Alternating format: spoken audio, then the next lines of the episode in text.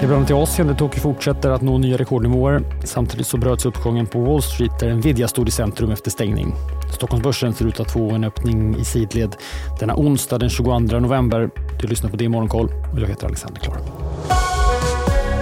Börsen i Japan är den enda av de stora i Asien som stiger, men bara försiktigt. Samtidigt så säger landets regering att eh, den ekonomiska återhämtningen fortsätter i ett lugnt men stabilt tempo där man också säger att man vill bli en mer tillväxtfokuserad ekonomi framöver och kallar det för en ny form av kapitalism som nu Japan äntrar.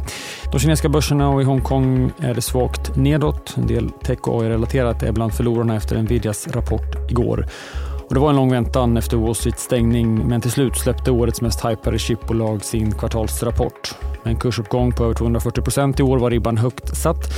Men Nvidia motsvarade förväntan med råge. Bolaget uppvisade en tillväxt på över 200 procent, betydligt bättre än väntat. Resultatet per aktie förbättrades också och gick från 58 cent per aktie i Q3 i fjol och kom in över 4 dollar i den här rapporten. Också det är bättre än väntat. Även det viktiga affärsområdet datacenter överträffade förväntan. Men man lyckades inte trycka upp kursen ytterligare. Aktien backade 2% i efterhanden. Bolaget flaggar också för att de amerikanska exportrestriktionerna påverkar bolagets viktiga kinesiska marknad och där räknar man med att försäljningen minskar kraftigt i det fjärde kvartalet. Samtidigt så var bolagets totala guidning för årets avslutande kvartal högre än väntat. Vi fick också Feds protokoll från räntemötet i månadsskiftet och centralbanken lämnade räntan oförändrad. Marknaden tog inte mycket notis av protokollet där man bland annat såg att samtliga ledamöter är överens om att fortsätta gå försiktigt framåt och vara datadriven i sina beslut.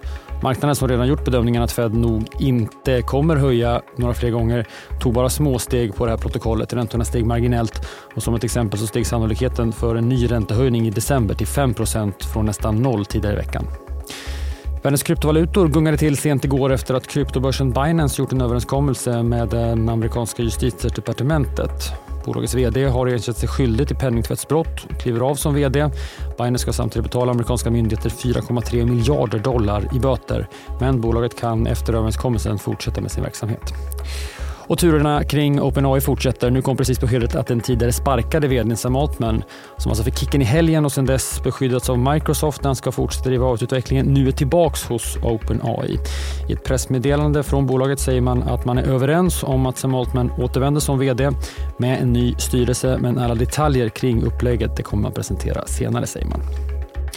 I kriget mellan Israel och Hamas har parterna enats om en vapenvila i fyra dagar samtidigt som sidorna ska utbyta delar av den gisslan som Hamas tog i samband med attacken i oktober och Israel ska från sin sida släppa palestinska fångar.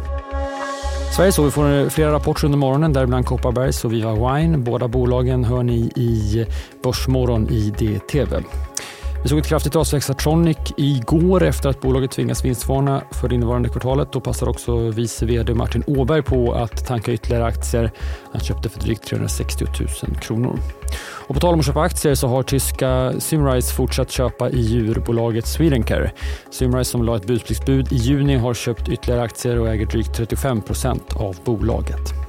Och bud har också kommit på norska Devinta, ett konsortium bestående av private equity-bolagen mm, Blackstone och Permira som vill köpa Devinta för 115 norska kronor per aktie. Det här värderar bolaget cirka 141 miljarder norska kronor. Aktien stängde på 106 kronor igår efter att det sipprat ut uppgifter om att ett bud var väldigt nära. Permira, Schibsted och Ebay som tillsammans äger över 70 procent av Adevinta har ställt sig bakom budet. Vi pratar mer om det. Vi pratar mer om Nvidia och morgonens rapporter i DTVs Börsmorgon med start kvart i nio. Det är Morgonkoll. Jag är tillbaka igen imorgon bitti. Vi hörs då. Jag heter Alexander Klar.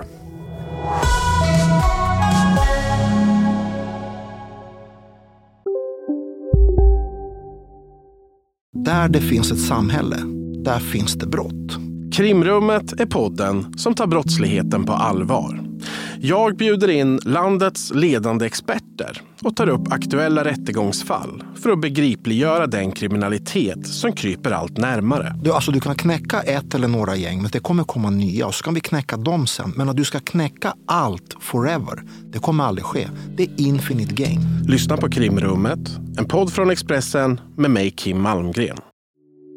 Hej, Ulf Kristersson här. På många sätt är det en mörk tid vi lever i. Men nu tar vi ett stort steg för att göra Sverige till en tryggare och säkrare plats. Sverige är nu medlem i Nato. En för alla, alla för en.